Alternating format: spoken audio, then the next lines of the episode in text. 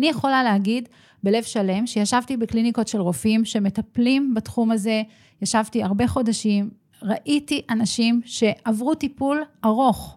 זאת אומרת שהם כבר שנים נמצאים על הורמונים זהים ביולוגית, וראיתי את התוצאות ואת ההשפעה של זה. וזה מה ששכנע אותי, ומביא אותי ממקום מאוד בטוח להגיד, חבר'ה, זה, יש לזה השפעה מאוד מאוד משמעותית. נו, מה עכשיו? למה אף אחד לא לימד אותנו על החיים? לא בבית ספר, לא באוניברסיטה, לא בבית ולא באף מסגרת אחרת. לפעמים אני מרגיש שפשוט לא רצו שנדע. בדיוק בגלל זה. אני, דורון עמיתי ליבשטיין, מביא לכם את הפודקאסט "נו מה עכשיו?" מבית לייף אקדמי. בפודקאסט אני אאמת את המורים והמנהיגים המובילים בעולם עם השאלה של מה עכשיו. אני אביא לכם את הפרקטיקות המדויקות לחיים. חיים של יותר צמיחה, חיים של יותר הגשמה והתפתחות. אז אם גם אתם שואלים, נו, מה עכשיו? הגעתם לפודקאסט הנכון. תקשיבו לשידור ותגלו בעצמכם. פרזית פרטוש פרסי, איזה כיף שאת פה היום. כיף להיות פה, דורון, תודה. אנחנו הולכים לדבר על נושא שהוא מאוד מאוד חשוב, ולמי שלא מכיר את אה, פזית, אז אה, חשוב שתדעו, פזית היא נטורופטית, היא כתבה את הספר הורמוניה, והיא מרצה בארץ, בעולם, אה, מביאה את הידע הזה שהוא כל כך חשוב על הורמונים, מערכת ההפעלה של הגוף, ואיך בעצם אנחנו יכולים לחיות חיים שהם הרבה יותר בריאים, הרבה יותר לאורך זמן ובאיכות טובה. בהחלט. איזה כיף. ממש, ניסחת את זה יפה. כן, כמו שאת יודעת, אני מאוד מאוד מתחבר לנושא הזה של הורמונים, והשאלה הראשונה שעולה לי זה, מה הביא אותך לזה? אבל עד לפני כן, אני אוהב את השאלה, מה עכשיו פזית? מה זה מה עכשיו? מה קורה עכשיו?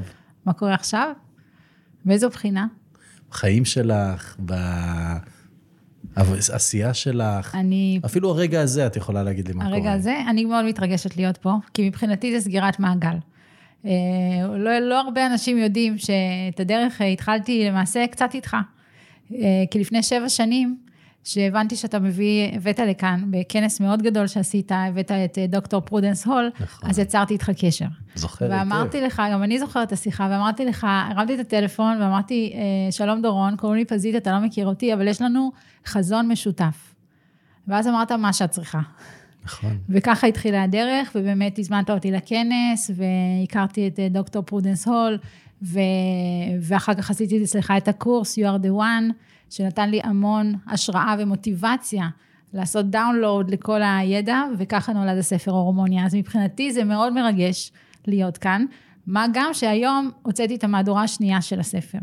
אז אה, עם המלצה של פרופסור קרסו, ועם הרבה... איזה מדהים, איזה מדהים. וכמובן, אנחנו נדבר על זה, את מלמדת פה קורס שכולו הורמוניה, והוא מאפשר לכל מי שרוצה בעצם לעבור את המסלול ביחד איתך, אבל נדבר על זה בהמשך. השאלה הראשונה שלי זה, איך הגעת בכלל להתעסק בהורמונים? אני נטורופטית מאז שאני זוכרת את עצמי. מגיל 15 אני לומדת uh, תזונה באופן עצמאי ודרך ספרים, כי... אה, פעם עוד לא היה את הגוגל, אז היינו קונים ספרים, וכל שבוע ספר הייתי קונה את, ה, את הבסט סלר של אותה שנה, אה, ולומדת תזונה באופן עצמאי. אחר כך הלכתי ללמוד אה, הדרכת אירובי וספורט, וגם נטורופתיה, אחרי שסיימתי צבא. לא רציתי טיול, לא רציתי כלום, רציתי לשבת וללמוד איך הגוף הזה פועל, מה מעודד בריאות ומה חלילה עלול לגרום לחולי. מה, זאת התשוקה שלי בחיים. וכאשר הגעתי לגיל 36, התחלתי להרגיש לא טוב, ולא הבנתי למה. ולמעשה לכל הידע שהגעתי ולכל הדברים זה מתוך תסכול מאוד גדול. כי הרגשתי לא טוב ולא ידעתי למה. והרופאים אמרו לי, הכל בסדר, הבדיקות שלך בסדר, את נראית בסדר, ואני אמרתי, תקשיבו, אני קמה בבוקר ואני בוכה, בלי סיבה, אני מרגישה שאין לי אנרגיה לעשות דברים שפעם אהבתי, כמו ספורט, כמו לטפל בילדים, כמו דברים פשוטים של יום-יום, אה, אני עולה במשקל בלי סיבה, השיער נושר לי בכמויות, ולא הבנתי למה. ואז... עכשיו פה, פה אולי רגע נעשה עצירה כן. מתודית, כי אם אתן שם בבית, או אתם שם בבית, כי זה נכון לגברים ונשים כאחד, כן. מרגישים את ההרגשה הזאת שפזיתי הרע, של אין אנרגיה, של מצבי רוח שמשתנים, ו... ושבאמת, אה, זה לא רק גלי חום, זה גם אה, בלבול, זה גם נכון, חוסר זיכרון. ריכוז. אלה, אלה הסימפטומים הראשונים שאתם מרגישים, ואתם מרגישים את זה בפנים, ופה הזמן להגיד שהדבר הכי חשוב הוא להקשיב לגוף שלנו. אנחנו מרגישים מה קורה בפנים, וגם אם הרופאים, שיהיו בריאים, אומרים לנו שהכל בסדר ושאנחנו, הבדיקות שלנו טובות, זה לא אומר שהכל בסדר, ואת ממשיכה פה בחקירה הפנימית, כי את לא מקבלת את מה שאומרים לך. אני מבינה שיש משהו שאולי לא בדקו, ואז אני נכנסת לחקור את הדברים, נכנסת לספרים, למאמרים, לבלוגים אה, בינלאומיים, ורואה שיש עולם שלם של ידע, של רפואה שנקראת רפואה פונקציונלית, רפואה הורמונלית, ויש פרוטוקול שלם. שהוא לא תמיד מיושם, אלא אם כן אנחנו מבקשים את הבדיקות. הבדיקות קיימות בקופת חולים, ואם אנחנו יודעים לבקש את הבדיקות הנכונות, אז, וזה מה שעשיתי, ביקשתי את הבדיקות של האיזון ההורמונלי, בדיקות דם רגילות, פשוטות, בקופת חולים, ואז התגלה בפניי תמונה אחרת לגמרי. עוד הדגש קטן, אתם באים לרופא המשפחה שלכם, בסדר? או לרופא הנשים שלכם, ואתם מבקשים את הבדיקות ההורמונליות. אה, פזית תיתן פה בסוף גם את הרשימה, אנחנו נשים אותה אה, כתגובה גם מתחת לפוסט הזה, כדי שכל אחת שרוצה לעשות את הבדיקות, יכולה גם לפנות לפזית ולקבל את ההנחיה המדויקת. כל אחד שרוצה לעשות את הבדיקות, יכול לעשות את הבדיקות. האחריות היא עליכם. לבוא לרופא המשפחה ולהגיד לו, אלה הבדיקות שאני רוצה לעשות, הוא צריך לתת לכם את זה. רק יש אה, קופת חולים אחת שלא נותנת את הבדיקות שאנחנו רוצים, T3 אה, ו-T4, אלא רק TSH, שזה מכבי, אבל אני מאמין שזה גם ישתנה, כי הם צריכים לדעת, כי זה כל כך חשוב, וכשאתם מבקשים את הבדיקות, הם צריכים לתת לכם אותם. אז גם אם אומרים לכם, עזבו אתכם, אתם לא צריכים את זה, הכל בסדר, mm-hmm. תבקשו את הבדיקות האלה כמו שפזית עשתה. אז זה מה שהיה לי. אה, בדקתי את ה-TSH, שהיה לכאורה תקין, אבל כאשר בדקו לי את ההורמונים הפעילים של בלוטת התריס, שזה T3 וגם T4, אבל ה-T3 זה ההורמון הפעיל, וזה זה, זה הורמון, איך אני אומרת, שהוא בסך הכל אחראי על ייצור האנרגיה בגוף. זה הכל. זה כל מה שהוא עושה. רק אנרגיה. רק אנרגיה. אז אם אין לכם אנרגיה, אולי יש לכם בעיה ב-T3. אז זהו, אז uh, עשיתי בדיקה פרטית, במעבדה פרטית, uh, נפרדתי מ-180 שקלים בסך הכל, וראיתי שהוא עשה בנג'י. הוא קפץ מטווח הנורמה והוא כל כך נמוך היה, שאז הבנתי למה אין לי אנרגיה. למה זקיקי השערה לא מקבלים אה, זרימת דם מתאימה, ולכן השיער נושר. כן, ועוד הרבה מאוד דברים, כי אחר כך גיליתי ש-T3 אחראי על כל כך הרבה דברים.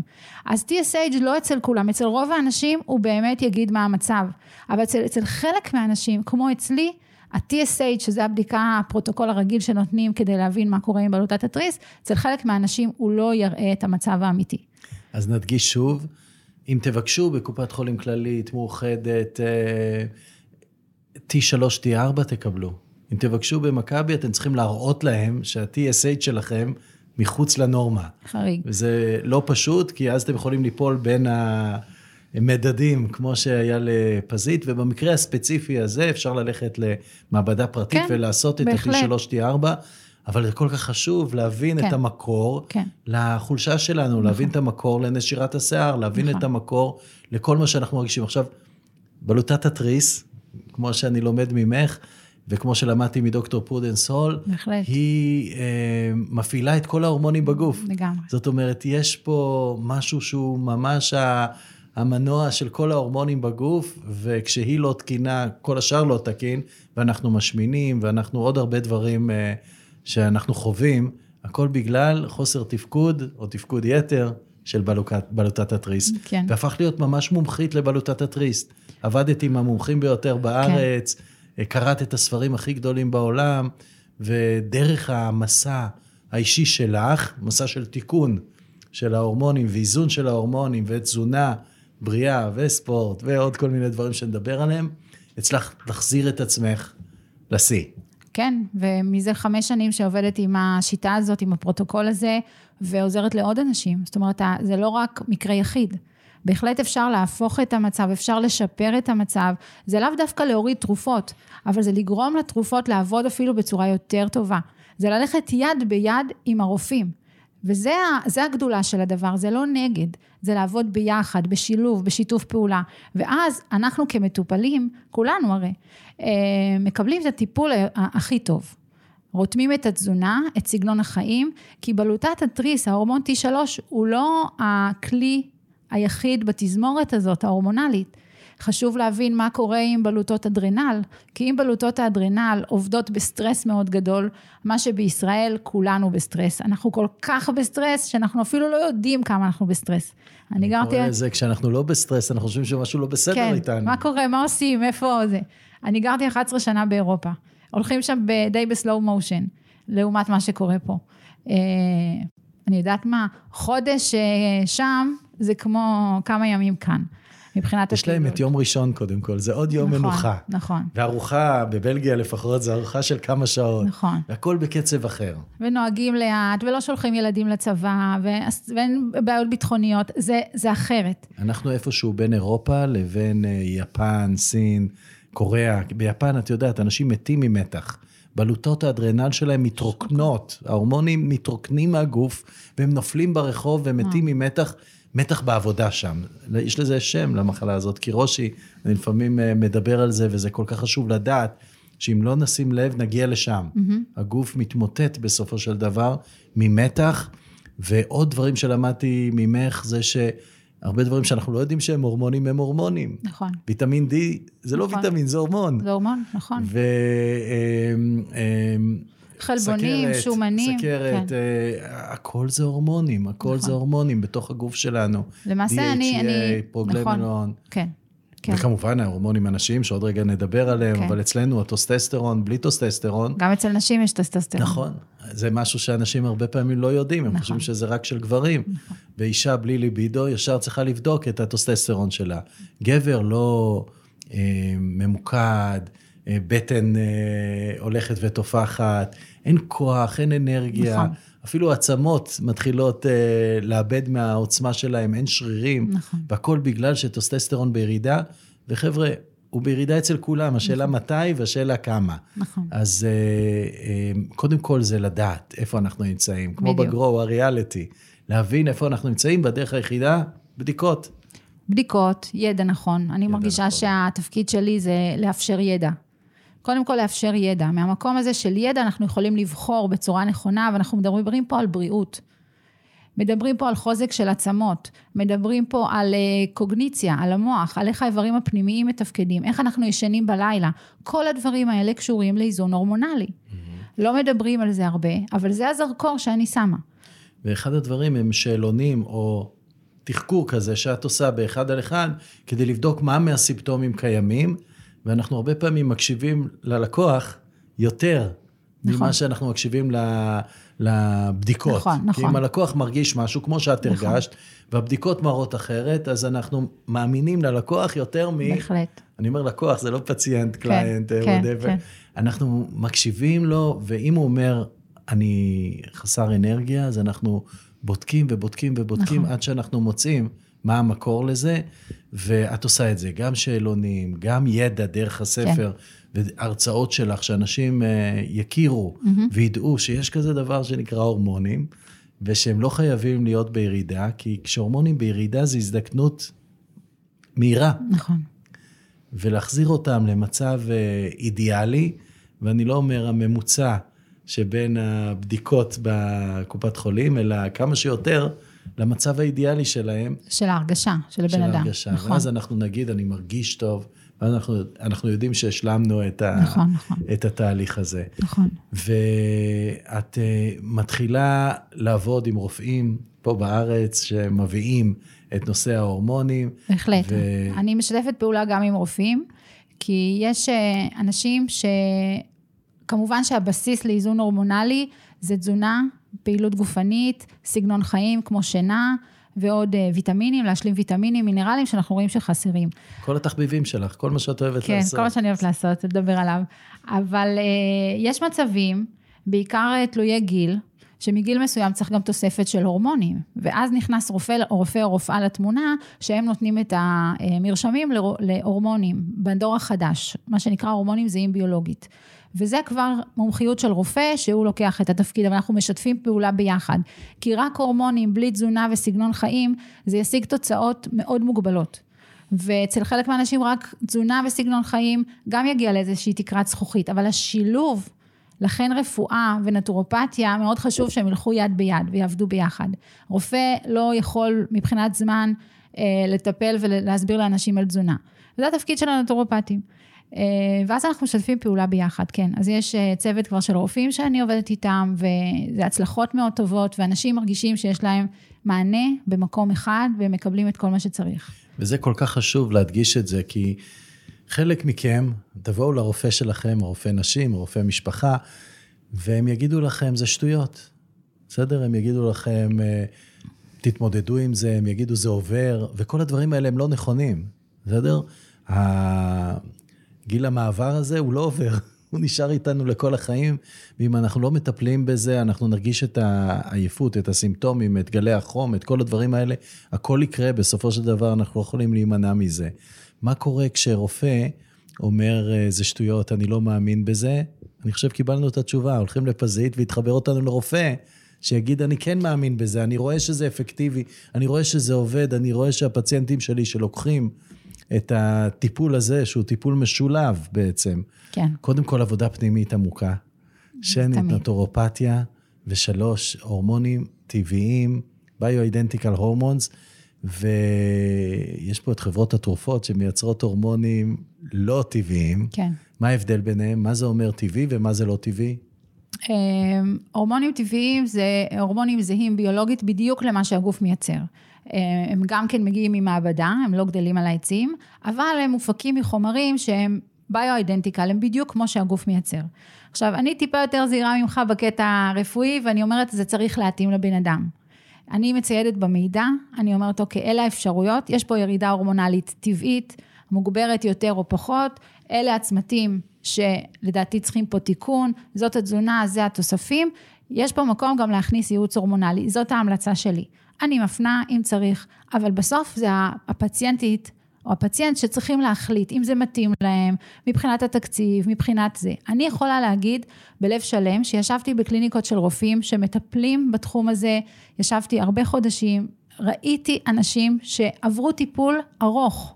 זאת אומרת שהם כבר שנים נמצאים על הורמונים זהים ביולוגית, וראיתי את התוצאות ואת ההשפעה של זה, וזה מה ששכנע אותי, ומביא אותי ממקום מאוד בטוח להגיד, חבר'ה, זה, יש לזה השפעה מאוד מאוד משמעותית. עשיתי את המחקר, באמת, אני בן אדם מאוד זהיר. ואם אני באה ואומרת משהו ועומדת מאחוריו, זה אחרי שבדקתי מכל הכיוונים.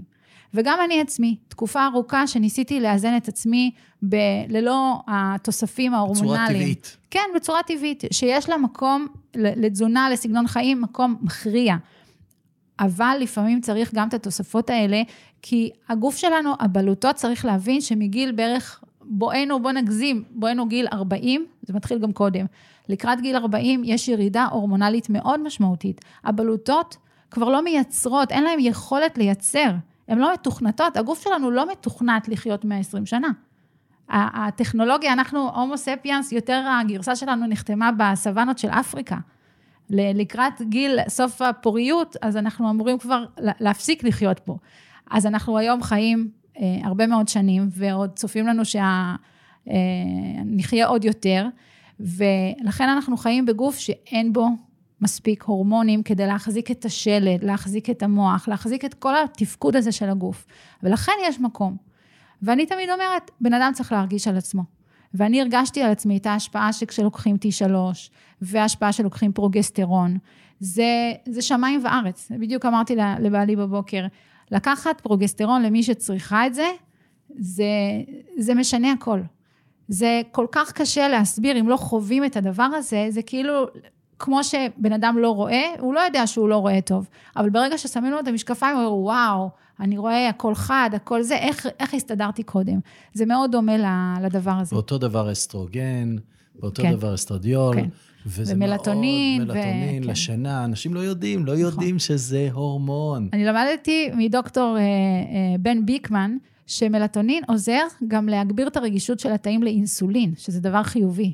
אז זה בעצם, כן, מדהים, מדהים, מלטונין. מדהים. אז אל תראו את זה רק כפתרון לשינה, הוא גם מחזק את תאי המוח, ומונע, מונע פרקינסון, מונע מחלות אחרות שקשורות uh, בתפקודי המוח שלנו, אלצהיימר וכן הלאה. אז ההורמונים הם כל כך כל כך חשובים, ובכל זאת יצא להם שם לא מי יודע מה, ויש אנשים, אני תמיד לא יודע אם להזכיר את זה או לא להזכיר את זה, להתעלם או לא להתעלם, לא להעלות את הפחד הזה אצל אנשים, אבל כל הזמן אנשים שואלים, תגיד, דורון, כן. זה יכול לסרטן? כן.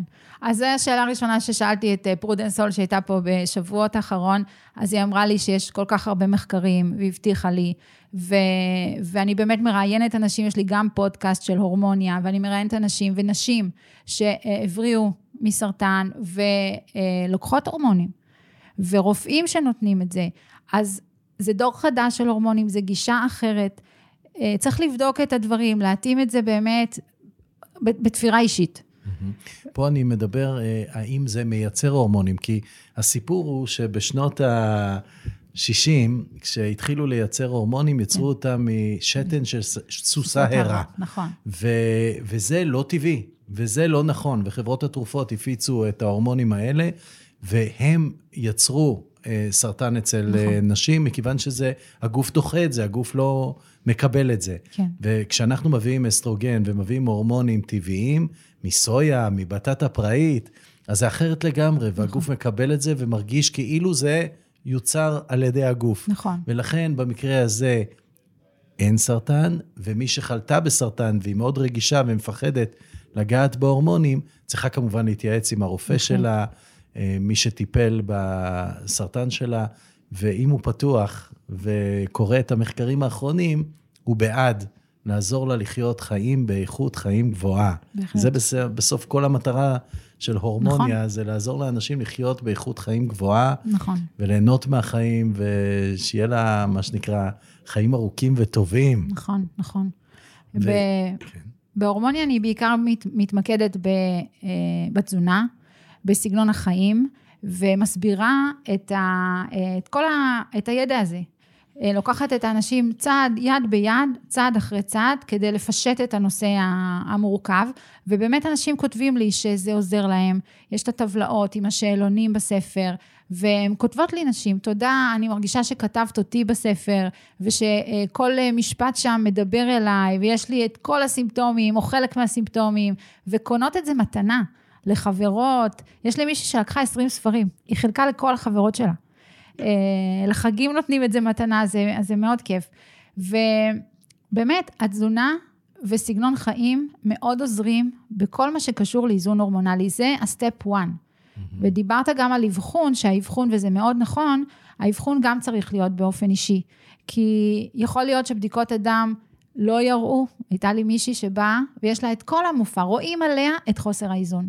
השליש, כי יש לדוגמה שליש חיצוני של הגבות, כאשר יש בעיה של תת פעילות של בלוטת התריס, השליש החיצוני של הגבות מתחיל להידלדל או להיעלם. ממש הגבה, רואים חצי גבה.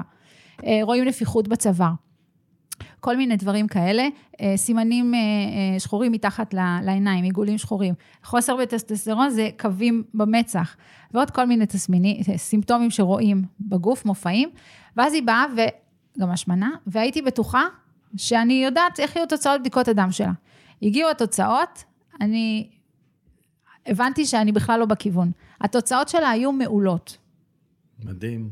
מעולות, והבאתי את זה באמת לאחד הכנסים של הרופאים, והבאתי את התמונה שלה ברשותה, והראינו את זה, ו...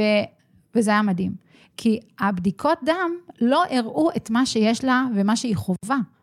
ואז פה, על, על מה נסתכל? על הבדיקות או על מה שהיא אומרת? על מה שהיא אומרת. על מה שהיא אומרת. חד משמעית. חד משמעית. והיא קיבלה טיפול אה, הורמונלי ותזונתי וסגנון חיים, הורידה מתח, סדרה עניינים עם הבעל, אתה יודע, זה תמיד לוקח לכל מיני מקומות. והיא יוצרת, היא מציירת, היא מדהימה, והיא באמת הרימה את עצמה. והיא דווקא קיבלה טסטוסטרון כטיפול. עכשיו, מה מדהים בזה? אומרים שהאישה נוצרה מהאדם. וטסטוסטרון הוא באמת ההורמון הראשון שממנו מתמיינים ההורמונים אחר כך הנשיים. מטסטוסטרון נוצרים אסטרוגן ופרוגסטרון. אז זה מדהים. אז לפעמים נותנים רק טסטוסטרון לאישה, ואחר כך הגוף יודע למיין למה שצריך ולייצר מה אני, שצריך. אני אדגיש עוד פעם שפגשתי ודיברתי והבאתי ללקוחות בארץ את אייב מורגנטלר, שהוא באמת פרופסור בהרווארד.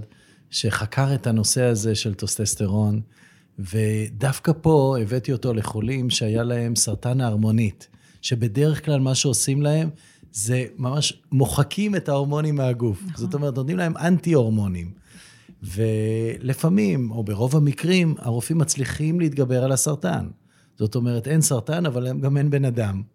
כי זה בן אדם חלש בלי טוסטסטרון, בן אדם שהעצמות שלו רפויות ושאין לו יכולת אה, להגיע לזקפה מפה ועד אחרית הימים. תוסיפי לזה גם קצת הקרנות, תוסיפי לזה גם קצת כימו ו...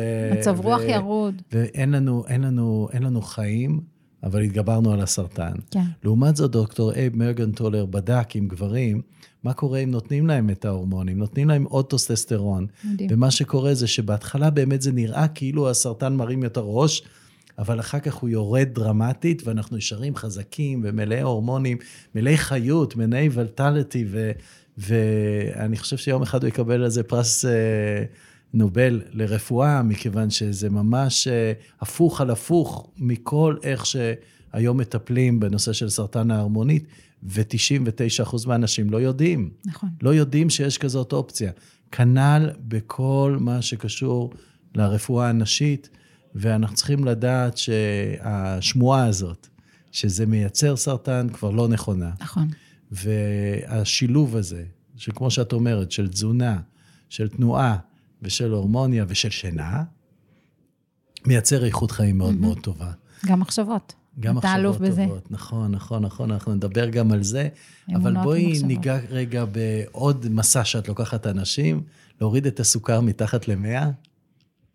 כן, אז זה בדיוק גם כן עוד נושא שהוא הפוך. אתה מדבר על זה שלתת טסטוסטרון זה מנוגד, אז גם הפירמידה של המזון. פירמידת המזון שהעולם המערבי אה, נוהג בה כבר מאז שנות ה-20 של המאה האחרונה, פשוט לא הוכיחה את עצמה. כל תרבות וכל מדינה וכל אה, אומה שמשתמשת בפירמידה הזאת ואוכלת לפי הפירמידת המזון, שבעצם אמורה לשמור לנו על הבריאות, ואומרת שאוקיי, אם אתם רוצים לחיות בבריאות מיטבית, הבסיס של התזונה שלכם צריך להיות פחמימות. עד היום מלמדים את הפירמידה הזאת בבתי ספר, כי כל שנה הילדים שלי חוזרים מהבית ספר ואומרים לי, אמא, רבנו היום עם המורה למדעים. מה, מה קרה? היא לימדה את הפירמידה ואמרנו לה שזה לא נכון ושזה לא פחמימות. אז אני אומרת להם, אוקיי, בסדר. אז אה, הם רבים עם המורה, והמורה אומרת להם, אוקיי, אני יודעת, קראתי את הספר של אימא, אני יודעת שהיא אומרת משהו אחר, אבל אני חייבת ללמד, כי זה מה שאומרים לי ללמד. אז אני יודעת שזה עדיין קיים. Uh, הבסיס של הפירמידה הקונבנציונלית, המערבית, אומרת שהבסיס לתזונה בריאה זה פחמימות. Uh, זאת אומרת, זה תפוחי אדמה, אורז, uh, פסטות, לחם, קרקרים, מאפים, כל הקטגוריה הזאת של קמחים למיניהם ודגנים. ואנחנו רואים שכל העולם צועד בצעדי ענק ל... אוביסיטי, השמנת מגפת השמנה. כן. מגפת השמנה, זה לא, ומגפת השמנה, כשמדברים על obesity, זה לא 2-3 קילו של overweight. זה ממש כבר מחלה של BMI. הסתובבו בארצות הברית ותראו אותם. מטורף. זה שני כיסאות לא מספיקים להם. ועכשיו גם בסין זה נכנס מאוד חזק. מאוד זאת אומרת, חזק. בכל מקום שנכנסת התזונה המערבית... כן, אז זה, אז זה נהיה. ואני אומרת, חבר'ה, הפחמימות האלה לא טובות לנו, אני לא היחידה שאומרת. אני אה, שומעת המון הרצאות גם בעניין הזה, ו... ורואה שבעצם ההורמון, וזה גם הורמון, ההורמון שמשחק פה תפקיד מאוד חשוב זה אינסולין, ואותו לא בודקים. גם אותו לא בודקים. זאת אומרת, מי שעכשיו מקשיב וסובל מהשמנה, השמנה בטנית, אה, סוכרת, טרום סוכרת, צריך לבקש שיבדקו לו את רמת האינסולין. אממה, אם רואים את הטווח של האינסולין, כשמקבלים את התוצאה, אז הטווח שלו הוא בין 0 ל-30. ואנחנו אומרים, אוקיי, אם זה 15, אז זה באמצע. זה נשמע, זה סבבה, נשמע נכון? טוב, כן. נשמע טוב. אבל כל מה שהוא אינסולין מעל 4, הוא כבר נקרא אינסולין רזיסטנס, זה כבר התאים מלאים בסוכר, והם לא מאפשרים כניסה נוספת של סוכר, ולכן האינסולין נשאר גבוה, ומכאן מתחילה שרשרת של תגובות מטבוליות בתוך הגוף, שגורמת לכבד שומני, לטריגליצרידים, לתסמונת מטבולית, להרבה מאוד דברים, כולל היום מדברים על סוכרת סוג 3, כי יש סוכרת סוג 1, 2 וסוג 3. הסוג 3 זה כל מה שקשור למוח, לדימנציה, לכל המחלות אה, אלצהיימר וכולי. כבר מדברים על זה כסוכרת סוג 3. זאת אומרת, הגוף מתחיל שרשרת של תהליכים, זה לוקח שנים עד שזה קורה ומתפרץ, אה, אבל פשוט צריך לבקש אינסולין. ולראות שהאינסולין לא, נמוך זה מאוד. לא הסוכר שלכם, בסדר? מה שאנחנו רוצים לרדת מ-100, וזה לא A1C, נכון. זה אינסולין. אינסולין. פשוט לבקש אינסולין, כן. ולראות אם הוא מעל 4, צריך לעשות כבר, משהו בעניין. כן, כן, כבר צריך להתחיל אה, להוריד פחמימות. ובכלל, מי שרוצה לחיות בחיים בריאים, זה פחות פחמימות. אפשר לחיות בלי לחם. וכל הדברים האלה, אתמול העברתי וובינר, ומישהי כתבה לי, אני לא יכולה לחיות בלי, יש לי craving למתוקים, מה, אני אפסיק את הכל? זה מראה על חוסר איזון בגוף. כי כאשר אנחנו מורידים את רמות האינסולין, גם מסדרים את החיידקים של מערכת העיכול, את המיקרוביום, בעזרת אה, סיבים שאוכלים וירקות, אז בעצם כל החשק הזה, שנדמה לנו שזה האופי שלנו, אבל זה לא אופי. זה, זה כוחות פנימיים שעובדים לנו בגוף, הכימיה הפנימית שלא מאוזנת, ונדמה לנו שזה האופי שלנו. אבל אז זה מייצר הרבה מאוד שקט. אנשים שבאים לה, ועושים את התוכנית, אז אני שואלת אותם לקראת הסוף, מה קיבלתם מהתוכנית? הופתעתי מאוד שאנשים אומרים לי, קיבלנו חופש. חופש מלהיות עסוקים כל הזמן באוכל, חופש מלחשוב מה אני הולכת לאכול, חופש. אז, אה, ורוגע בתוך הגוף. אז אה, זה מה שקורה כשהכימיה בתוך הגוף מאוזנת, וזה הורמונים. מדהים. הורמונים זה שם מפוצץ, תכלס, לא, לא, לחלבונים ושומנים כן. פונקציונליים, שיודעים לעשות דברים. כן. ואנחנו מבינים, אנחנו קוראים לזה התת-מודע של הגוף, שמפעיל אותו כשאנחנו עסוקים בדברים אחרים, ודואג שהכל יעבוד כמו שצריך. נכון. אבל זה, ה- זה ההורמונים שלנו, והבורות היא הדבר הכי קשה פה בעניין הזה. כשאנחנו לא יודעים, ושאנחנו סומכים על מה שאומרים לנו מבחוץ, ולא על מה שאנחנו מרגישים מבפנים. נכון. ואת נותנת פה הרבה הרבה דוגמאות לזה, וזאת השליחות שלך היום, להביא את זה לכמה שיותר אנשים, את הידע, את המידע, כן. את הניסיון, להקשיב להם, לשלוח אותם לעשות את הבדיקות הנכונות. וכמו שאמרתי בהתחלה, אנחנו מזמינים אתכם לפנות ולקבל את ההנחיה ולעשות את הבדיקות ולדעת איפה אתם נמצאים. זה תסכול מאוד גדול להרגיש לא טוב ולא לדעת מה יש לך. נכון. אה, ואז באים לאיש מקצוע, גם ככה מתוסכלות, עייפות, לא מרגישות טוב, מרגישות גם ירידה בערך עצמי. אני לדוגמה, שנשר לי השיער כל הזמן, אני הרגשתי לא יפה, לא נחמדה, לא רציתי כלום, הייתי נכנסת לסטרס לפני חפיפה של, אה, של השיער. ואז אני באה לרופא, והוא אומר לי, תקשיבי, הכל בסדר. אולי תקחי איזה פרוזק, איזה משהו מרגיע. אבל אני יודעת שזה לא, זה משהו אחר, ולכן, מתוך המקום הזה אמרתי, אם אני לא ידעתי את הדברים, שאני נטורופטית כבר מגיל 24, אחרי לימודים וסטאז' והכל, אז עוד הרבה אנשים לא יודעים את זה, והרבה זאת, נשים. זאת באמת נקודה מאוד מאוד חשובה, כי הרבה פעמים, בגלל המתח ובגלל התחושה הקשה הזאת של כבר אין לך שליטה על הגוף שלך, נכון, ובתקופה שאת בשיא שלך, בשיא הפריחה שלך, ממנהלת ארגונים ועושה הכל, פתאום הגוף נכון. שלך עובד כאילו נגדך. ובעניין הזה, באמת, אה, זה, זה עניין של מודעות, לדעת שאפשר לתקן את זה. נכון, אפשר. שאפשר לשנות את זה, ושחייבים, חייבים, חייבים לעשות שינויים בדרך החיים. זה לא רק בתזונה ולא רק בתנועה, אלא ממש לשנות את המבנה הזה בתוך הגוף ולהרגיש אה, הרבה יותר טוב. אמ, קצת עלייך, מה הדבר שאנשים לא יודעים עלייך שהוא מעניין וחשוב? שפעם התמחיתי בלעשות אה, עוגות אה, עם אה, בצק סוכר, וואו. ומאוד אהבתי ונהניתי מזה, כן, כשהילדים היו קטנים. תחשבו אה, מה זה, מבצק סוכר. לעזרה לאנשים להוריד את הסוכר. כן, לגמרי. זאת אומרת, יש לי את ה... אה, וגם את הקטע הזה של לעשות את הדברים בצורה טבעית, לידה ללא אפידורל. נכון, ילדתי את שלושת הילדים שלי בלידה טבעית, ללא אפידורל בבית חולים. אחד בפריז ושניים בבלגיה, שהרופא בפריז הוא היה מאוד קונבנציונלי. וכשהוא ראה איך אני יולדת, וזו הייתה לידה ראשונה, אבל הצטיידתי בכל המידע ובארניקה של הומאופתיה, וכשהוא ראה איך אני יולדת, אז הוא אמר כל הכבוד. באמת, והוא שיתף איתי פעולה, וככה עזרתי גם לאחותי ללדת את שני הילדים שלה. שזה מקסים, אז, אה, שזה כן. מקסים. ומה הדברים שאת אוהבת לעשות, שהם חלק מה-day to day שלך? אני, כמו שאמרתי לך, מגיל אה, מאוד צעיר אני בתחום, מגיל 15 אני למדתי את כל הספרים של ה-New Age, כל הספרים של העידן החדש, הכל, כולל הכל, קראתי אותם אחד אחרי השני, ואני מיישמת את זה, הכנסתי את זה לפרקטיקום היומיומי, זה כבר משהו שהוא in, זה מדיטציה, זה נשימה, זה יוגה, זה לשנות את החשיבה, את המחשבות, אה, הרבה מאוד דברים שזה כבר כל כך בפנים, זה אפילו לשתות מים. ובאחד הכנסים גם למדתי שלשתות מים, זה לא רק מנקה את הגוף, כי אנחנו 70 אחוז מהגוף שלנו זה מים, וגם המוח שלנו עשוי ממים, אלא שזה גם, אם אנחנו ביובש פנימי לא שותים מספיק מים, אז התאים שלנו מתחילים לייצר שומן. כי שומן, כשהוא מתפרק, הוא מייצר יחידות של מים. מדהים. מדהים, מדהים. אז מים, לדוגמה, דבר כל כך פשוט. זה לא עולה יותר מדי, ולא מוכרים על זה, ואין לזה פטנט, אבל פשוט לשתות שניים, שלושה ליטרים של מים ביום. הכי פשוט והכי בסיסי, כן. וזה מאוד מאוד uh, משמעותי וחשוב. איזה עצות או כלים פרקטיים היית נותנת לאנשים uh, שמקשיבים לנו עכשיו? אני חושב שאת הראשון את אמרת בצורה הכי ברורה, קודם כל תלכו לעשות בדיקות, תדברו עם הרופא, זו הפעולה הפרקטית הראשונה שאת כן. ממליצה לאנשים, תעשו את הבדיקות. כן, בהחלט. אה. בעמוד 85 בספר אה, יש רשימה של בדיקות דם, שהן ההמלצה חמה שלי אה, כדי להבין מה קורה מבחינת חילוף החומרים ההורמונלי בגוף, להבין מה קורה עם הכבד, ויש שם דיאלוג בין החומרים, אז כן, זה האבחון. והבדיקות דם. דבר שני, זה לשתות יותר מים, כמו שאמרתי מקודם. איזה פשוט, איזה פרקטי, לשתות יותר מים. יש יותר מדי מים? אתה יודע כמה קשה לאנשים לשתות מים? לכולנו. זה, אנחנו צריכים לשתות משהו כמו 15 כוסות מים ביום.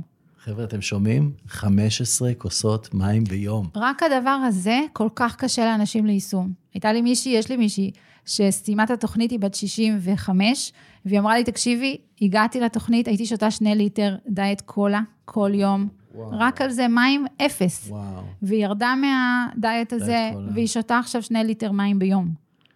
איך אנחנו יודעים שדיאט קולה לא טוב לטיפול בהשמנה? כל מי ששמן שותה דיאט קולה. אז אה, אנחנו נעשה הפוך. מה יש בדיאט קולה שכל כך uh, עושה נזק? במכון ויצמן הרי אה, בדקו את זה. ערן סגל, פרופסור ערן סגל. דיי טו, חבר'ה של דיי טו. כן, והם מצאו, ומצטטים את המחקר שלהם בכל העולם, מצאו שהממתיק המלאכותי משנה את המיקרוביום, את החיידקים, ובעצם גורם לחיידקים לקחת את ה... סוכרים, את מה שקורה בתוך הזה, ולהפוך אותם דווקא לסוכר. אז זאת אומרת, זה מעלה את הסוכר בדם. זה גורם לסוכרת, כל הממתיקים המלאכותיים. אז עובדים עלינו, חבר'ה, אומרים לנו שזה ללא סוכר, זירו, מה שנקרא, ובסופו של דבר זה מייצר סוכר נכון. בגוף דרך המיקרוביום, כן. ולא בריא לנו, נקודה. לא בריא לנו, זה כמו לשתות סוכר. אתם יודעים שבפחית קולה יש כמה? שמונה כפיות סוכר. כן, אמ, מטורף. ו... ומים, פשוט מים. אנשים שואלים אותי, מים או סודה? מים, רק מים. סודה כן. גורמת לחומציות בתוך הגוף. וואו. ויש את העניין של הגוף שאנחנו בחומציות, התאים מתחילים להיות סרטניים ומתחילים להתקלקל, ויושבים שם חיידקים ווירוסים, הם אוהבים סביבה חומצית. ואנחנו רוצים שהגוף שלנו יהיה כמה שיותר בסיסי. לכן הבאתי לך היום את המים היפנים, זה מי קנגן יפנים, שהם בעצם עברו תהליך חשמלי והם מים בסיסיים, וגור, ומשותפים את הגוף. אז הסודה היא חומצית, והמים הם יותר בסיסיים, אז מים. יקרים, די לסודה.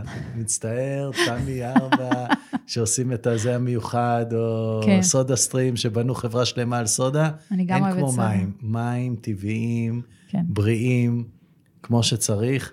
וזה היה הכלי הפרקטי השני שלך, הכלי הכי קל לכם ליישום, אף על פי שאנשים מדווחים, כמו שאת אומרת, שזה קשה להם לשתות מים כי הם רגילים כן. לקולה. אבל יש לנו הדגמה, אני עובדת ביחד עם בחור בשם גדעון, יש לנו הדגמה על מים, ואז הוא מראה איך המשקאות וגם סודה גורמים לגוף להיות חומצי. אחרי שאנשים רואים את ההדגמה הזאת, הם כבר, הם שותים רק מים. מדהים. מדהים, כן. כל כך חשוב הקטע הזה. אז זה כן. הפרקטיקה השנייה שאתם לוקחים פה היום, לשתו מים, שתו מים, 15 כוסות. תתחילו לספור, או תיקחו בקבוקים גדולים, שיש בהם אה, כמה כוסות נכנסים בכזה ליטר וחצי. אתם ממש מחשבים, שתיים, זה 200 נכון. בערך לכל כוס, ושמונה כוסות לבקבוק, שני בקבוקים כאלה ביום, והגעתם למינימום כן. הנדרש. אה, שאלתי קודם את השאלה, יש יותר מדי במים? אם מישהו שותה 4 ליטר זה רע? ואתה יודע, צריך להקשיב לגוף, כמו בכל דבר, אה, ולראות. זה תלוי אם עובד בשמש, לא עובד בשמש. מה עושה לכם טוב? בדיוק, ממש תרגישו את זה. כן. גם בתזונה אתם יכולים ממש אה, לבדוק. אתם אוכלים משהו, עושה לכם טוב, נכון. זה בסדר, עושה לכם רע, תפסיקו איתו. הגוף נכון. מדבר אליכם, לפעמים בלחש, לפעמים צועק. בדיבור, ולפעמים הוא צועק, הוא נכון. צועק חזק. אז להקשיב לגוף, אה, לגוף שלנו. מה הכלי הפרקטי השלישי שאת ממליצה? תראה, אני אתן כלים שהם כאילו בנאליים. אוקיי, ואחר כך אני רוצה לשאול אותך שאלה. בטח. אני חושבת שאחד הדברים שיעזרו מאוד לאנשים שמקשיבים, זה לאכול יותר ירקות. וירקות זה לא עגבנייה ומלפפון, זה לא הסלט. סלט זה אומר הרבה עלים ירוקים. הרבה בתוך, עלים בתוך ירוקים. ירקות יש את הירוקים. כן, את הירוקים, שזה ממלכה שלמה, הכלורופיל דומה להמוגלובין. אז הוא מכניס הרבה חמצן לתוך הגוף שלנו, הוא מנקה את הדם, הוא עושה הרבה מאוד דברים טובים, אז אנחנו רוצים ירוקים. קייל וחסה. כן, ועלי בייבי, ובארץ יש שפע, וכרוב כל מה וכרובית. שאתם רוצים, כן, כרובית הכל. וכל משהו עם צבע כן. ירוק. כן, כל הדברים האלה. אבל זה נורא בנאלי, אז אנשים יגידו, אוקיי, כאילו, מה החידוש פה?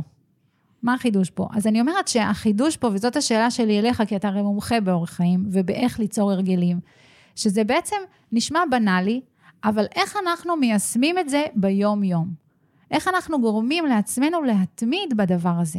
כי ההתמדה, אם אני, כמה שאני יודעת והכול, עדיין, להתמיד בזה, זה לא דבר כל כך פשוט. אז השיטה היא כביכול פשוטה, אבל היישום הוא מאתגר. הוא מאתגר לשמור על זה ביום-יום. נכון. ואני חייב להגיד שזה משהו שהתייחסנו אליו פה, בתוך האקדמיה לחיים, ולצד הקורס שלך, שהוא קורס אה, הורמוניה, אנחנו הבאנו קורס ש, שמטפל בדיוק בזה, בהתמדה ושינוי הרגלי חיים. כי בסך הכל זה נכון לתזונה, אבל נכון לכל תחום בחיים שלנו. בהחלט. כי אנחנו מתחילים ספורט ומפסיקים, ואנחנו מתחילים כל מיני דברים ומפסיקים, וההתמדה היא שריר. היא שריר שאנחנו מחזקים אותו, וכשאנחנו עושים אותו לאורך זמן, זה הופך להיות חלק מהיומיום שלנו. אנחנו בעצם מחנכים את הגוף שלנו, שיראה כמה טוב זה לאכול ירוקים. כמה זה עושה לו טוב, כי מי שעשה את זה, מרגיש שפתאום הרבה הרבה אנרגיה מהעיכול עולה לו לראש, והוא מתחיל לה, להביא רעיונות יותר טובים. הוא מרגיש חיות, והוא מרגיש אנרגיה, והוא במיניות שלו יותר טובה, ובכל תחום בחיים שלו הוא רואה את התועלת שיש לשינוי הזה. אבל זה קורה לאט, לוקח זמן. מי שפעם לימד, ואני הייתי ביניהם, ש-21 יום זה מספיק לשנות הרגלים, זה לא מספיק. Mm-hmm. זו התחלה טובה. 21 יום זה אחלה התחלה. אבל 60 יום ו-90 יום עושים הבדל גדול, mm-hmm. כי הם הופכים להיות חלק מהיומיום שלנו, וגם פה אני יודע שאת לא מהקשוחים ביותר, ומדי פעם אנחנו נותנים לעצמנו את האפשרות ברייק. לעשות אה, ולאכול ולעשות דברים שהם פחות בריאים לנו, אבל אנחנו יודעים שזה לא בריא, אנחנו יודעים מה זה עושה לנו, אנחנו מרגישים את זה אחר כך, בסדר? נכון. כואבת לנו הבטן, אבל היינו חייבים את זה למסיבה או לפיצה או למשהו שאנחנו יודעים שפחות טוב לנו. אני, שאני מאוד uh, מקפיד, מוצא את עצמי בקצוות לפעמים. Mm-hmm. בקצוות של משתולל, או בקצוות של ממש נזיר, של רק מים, או רק מיצים ירוקים, mm-hmm. ועושה את זה למשך 21 יום, וזה עושה לי, וואו, עושה לי כל כך טוב, שלפעמים אני לא מבין למה אני חוזר לאכול. כן. זה מסוג הדברים ש... שיעזרו לנו בכל תחום בחיים. התמדה, שינוי הרגלים, ולהבין שאם אנחנו חושבים ומרגישים ופועלים כמו שפעלנו בעבר, נקבל את אותן תוצאות. אמר את זה איינשטיין ומסביר את זה נורא יפה דוקטור ג'ו דיספנסר. עם אותן מחשבות, אנחנו נקבל את אותן החלטות, נעשה את אותן פעולות, mm-hmm. ונחיה את אותם חיים. שום דבר לא ישתנה. אבל עם מחשבות אחרות, אנחנו נפעל אחרת, אנחנו נרגיש אחרת, ואנחנו נקבל חיים אחרים. ואנחנו יכולים ליצור גוף אחר. Mm-hmm, בסדר? לגמרי. אנחנו חוזרים הרבה פעמים מדיטציות ל-new body, ממש לגוף אחר. וככה אנחנו מייצרים שינוי בחיים, אנחנו מרגישים כמו מי שמרגיש אחרי שאנחנו מרגישים טוב. Mm-hmm. זאת אומרת, מרגישים את האושר, את השמחה של מישהו כבר עם הורמונים מאוזנים, ומישהו שהוא כבר ירד במשקל, ומישהו שהוא חי חיים של מלא חיוניות, וכשאנחנו מרגישים את זה, זה קטע מדהים. אנחנו ממגנטים את המציאות הזאת לחיים שלנו. אז זה לא קודם משהו יקרה ואז תרגיש, mm-hmm. זה קודם תרגיש ואז זה יקרה. אז זה הטיפ שלי לנושא של התמדה. תרגישו מתמידנים עוד לפני שהתמדתם, ותראו שזה משתנה. Mm-hmm. זה כמו להרגיש כמו מי שהפסיק לעשן, לפני שהוא הפסיק לעשן, ולחשוב כמו מי שהפסיק לעשן, ולפעול כמו מי שהפסיק לעשן, והתוצאה, הפסקנו כן. לעשן. אותו דבר בקולה, אותו דבר בפחמימות, אותו דבר בכל הדברים, ומי כמוני, מי כמוני יודע שזה קשה. מי כמוני, זה חלק מהחיים של כולנו, אבל uh, אנחנו רוצים להיות בריאים. בטח. אנחנו רוצים להיות בחיוניות גבוהה. Uh, מה עוד עוזר לך לשמור על חיוניות גבוהה? מה עוד עוזר לך שלא דיברנו עליו היום, שנותן באמת uh, את הבונוס, אחרי שנתנו את שלושת הכלים, לכל מי שמקשיב לנו, uh, לחיות חיים mm-hmm. שהם מלאי משמעות ובריאות.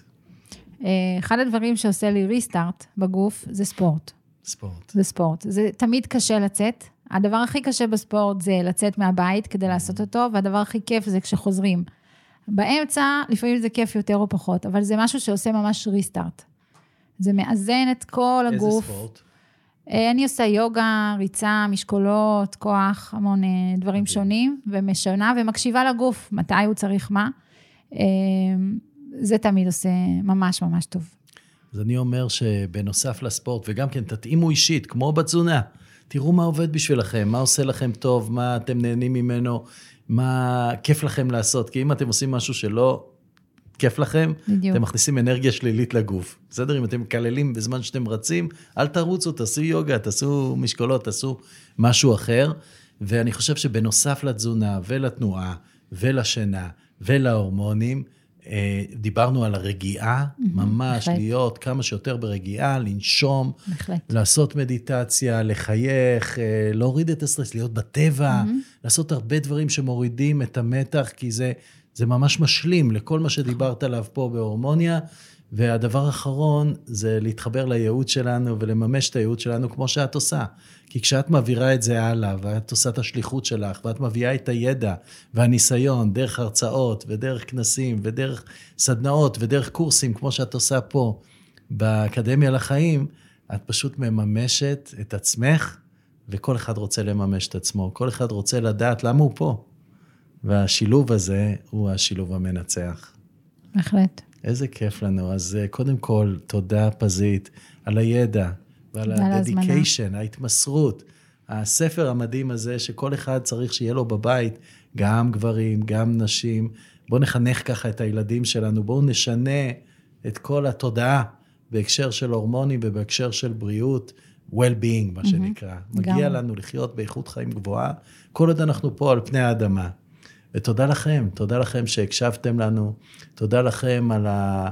אה, היכולת שלכם בעצם להקדיש זמן לעצמכם. נכון. ואם מצאתם שזה טוב לכם, יכול להיות שזה גם טוב לחברים שלכם. אז תעבירו להם את הפודקאסט הזה, שישמעו אותו, שילמדו ממנו, ושייצרו קשר עם פזית, יקראו את הספר, יעשו את הבדיקות, ישתו מים, וירגישו באמת הרבה הרבה יותר טובים. כן. ויוכלו ללמוד פה בקורס שלך, באקדמיה לחיים, עשרה מפגשים, ארבע שעות פיזיות, חמש שעות אקדמאיות, שיעשו ממש שינוי בחיים, סוג של ריסטארט. כן. התחלה תוכנית, חדשה. תוכנית הוליסטית, שבה אנחנו מדברים על כל הדברים, ומעמיקים ומתנסים, וזה מאוד כיף. מעשיר מאוד. תודה, דורון. היה כיף. טוב, חברים, הגענו לסיומו של עוד פרק בפודקאסט, נו, מה עכשיו? במידה וקיבלתם ערך מהפרק הזה, עזרו לנו להפיץ את הבשורה. שתפו לפחות חבר אחד שיכול ליהנות מהערך הזה. בכל פרק מצורפות לכם שלושת הפרקטיקות עליהן דיברנו בפרק. צאו ויישמו, כי להקשיב בלי להתאמן ולממש, זה לא ממש עובד. אני הייתי דורון עמיתי ליבשטיין, ונתראה בפרק הבא.